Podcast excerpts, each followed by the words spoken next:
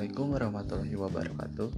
Perkenalkan saya Muhammad Irfan dengan NIM 1807629 Di sini saya akan menanggapi presentasi dari kelompok 7 mengenai keinovatifan dan kategori adopter.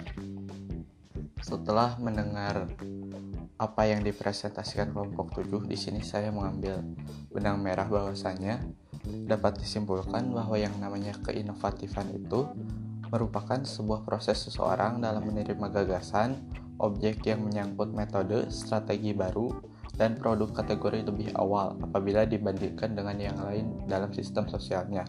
Lambat atau cepatnya dalam menerima inovasi melalui beberapa etape dan ini sangat tergantung pada individu penerima. Karakteristik inovasi dan karakteristik lainnya yang individu itu berada di dalamnya.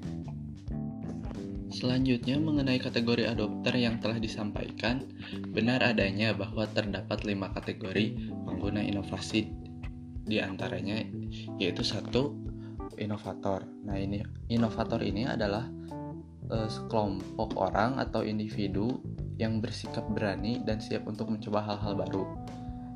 Inovator ini memiliki hubungan sosial yang cenderung lebih cepat dibanding kelompok sosial lainnya. Nah, Kelompok inovator ini lebih dapat membentuk komunikasi yang baik meskipun terdapat jarak di antara mereka. Biasanya, inovator memiliki gaya hidup dinamis di perkotaan yang memiliki banyak teman atau relasi. Yang kedua adalah early adopter atau yang lebih kita kenal dengan nama pengadopsi awal.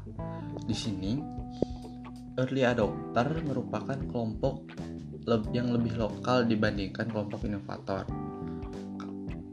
Kategori early adopter ini menghasilkan lebih banyak opini dibanding kategori lainnya. Nah, e, di sini mereka selalu mencari informasi tentang inovasi yang digaungkan oleh para inovator tersebut. Nah, kelompok early adopter juga di sini sangat disegani dan dihormati karena kesuksesan mereka dan keinginannya untuk mencoba inovasi terbaru.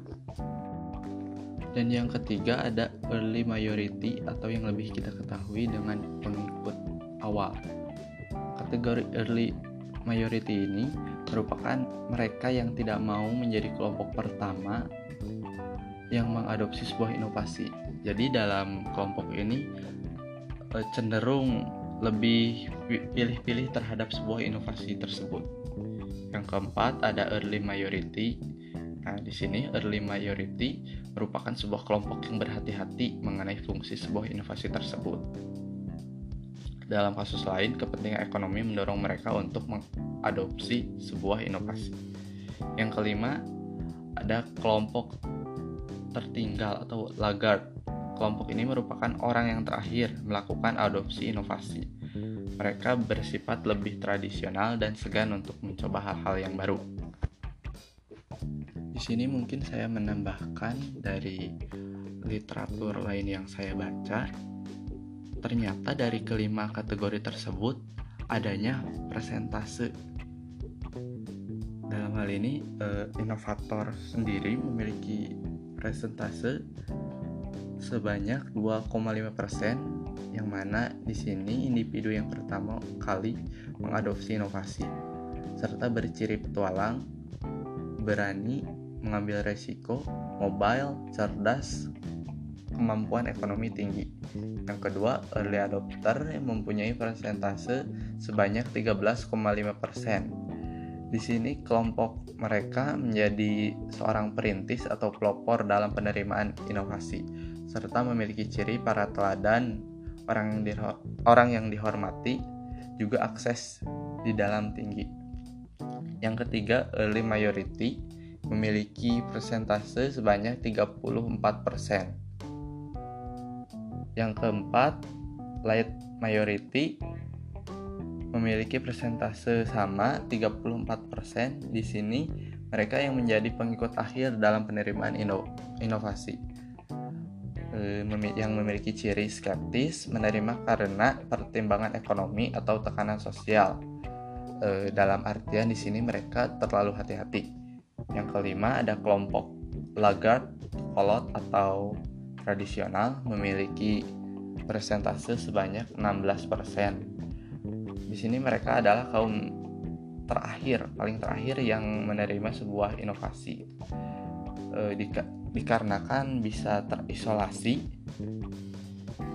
tradisi terlalu tradisional, juga wawasan terbatas, e, dan bisa karena sumber daya terbatas.